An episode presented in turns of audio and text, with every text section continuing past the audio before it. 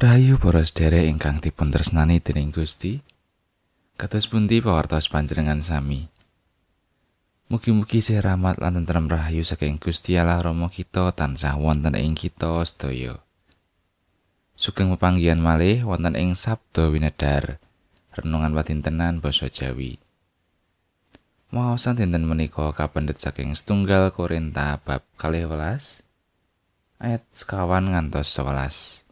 Monggo kita ndedonga langkung rumiyin. Gusti Allah Rama kawula kasuwargan. Matur nuwun Gusti, awit sedaya berkah pangrimat paduka ing gesang kawula. Mirunggan emak dalem menika, kawula nyawisaken manah kawula badhe nampeni sabda pangandika paduka. Mugi Roh Suci paring panuntun lan pepadang satemah kawula kasagetaken mangertosi lan nindakaken dawuh paduka. Kawula ngrumaosi tasih kathah dosa lan kekirangan kawula. Mugi Gusti kersa ngapunteni. Wonten ing asmanipun Gusti Yesus Kristus juru wilujeng kawula, kawula ndedonga. Amin. Setunggal Korinta bab 12 ayat sekawan ngantos 11. Peparing iku warna-warna. Nanging Sang Roh iku mung siji. Lan wujuding lelati iku rupa-rupa nanging Gusti iku mung siji. Apa dene kang katindakake iku maneka warna nanging Gusti Allah mung siji kang nindakake samubarang ana ing wong kabeh. Nanging saben wong kaparingan wedharane Sang Roh kanggo kaperluaning wong akeh. Sebab kang siji kaparingan dening sang roh ganjaran bisa guneman kanthi kawicaksanan. Sijine tampa peparing bisa guneman kanthi kawruh iya saka sang roh iku uga. Kang siji kaparingan pracaya iya dening sang roh iku mau. Lan sijine peparing bisa marasake iya saka panjenengane uga. Kang siji peparing bisa nganakake mujizat. Sijine pamedar wangsit sijine maneh kabisan beda-bedakake sawarnaning roh. Kang siji kabisan celathung nganggo basa roh, sijine maneh kabisan jarwakake basa roh mau. Nanging iki mau kabeh katindakake dening Sang Roh siji iku uga. Kang paring ganjaran marang sawiji-wijining wong dewe-dewe ing sakarsane. Makatan pangandikanipun Gusti ayat nat saking ayat 6. Ana kaelokan warna-warna nanging Allah iku siji.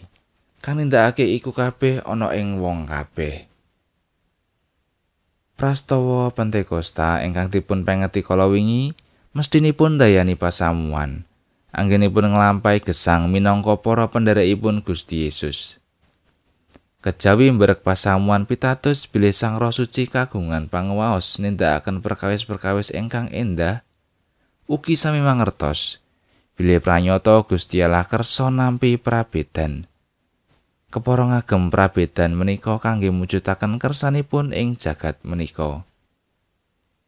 Prastawa Pentakosta nedahaken bilih Gusti Allah kersa milujengaken sedaya tiyang tanpa mawang saking bangsa pundi dunungipun. Panjenenganipun ugi kersa ngagem budaya lan basa ingkang mawarna-warna. Kangge nuntun sedaya tiyang nuju dhateng pamratobat lan kawilujengan. Kawontenan menika ingkang saestu wigati kangge ngrimati gesang ing sak tengahing bebrayan ageng menika. Samenika wonten sawetawis tiyang kang dereng saged nampi prabedan kanthi prayogi. Tiyang utawi golongan ingkang beda kalian piyambakipun kaanggep asor saengga kedah dipun telukaken. Menawi kanthi cara alus mboten purun teluk lan manut, piyambakipun tega ngagem cara kasar kangge gayuh pepinginanipun. Menawi manungsa sampun kepengin dominan, inggih menika tansah kepengin nguasani asanes, piyambakipun saged njlari risak ing sesambetan ing antawis sing setunggal lan setunggalipun. Lajeng pepinginan menika damel manungsa migunakaken sedaya kaelokan, kasagetan, lan kapinteranipun kangge ngwaosi sesaminipun. Mila tumindak ingkang mekaten temtu cengkah kalian kersanipun Gusti Allah. Panjenenganipun temtu karenan nalika mirsani kasagetan lan kapinteran peparingipun kaginakaken kangge rebut bener, natoni lantrah kalian sesaminipun. Minangka para pendherekipun Sang Kristus, kita ingkang nampi peparing katimbalan migunakaken peparing menika kangge netengaken kasaenan kangge sesami.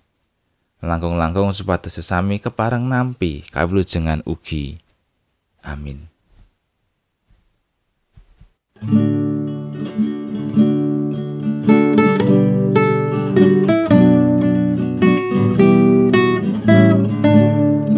Pinuji Gusti kang nitaken jagat siang ratri tan kendat ganjar siramat.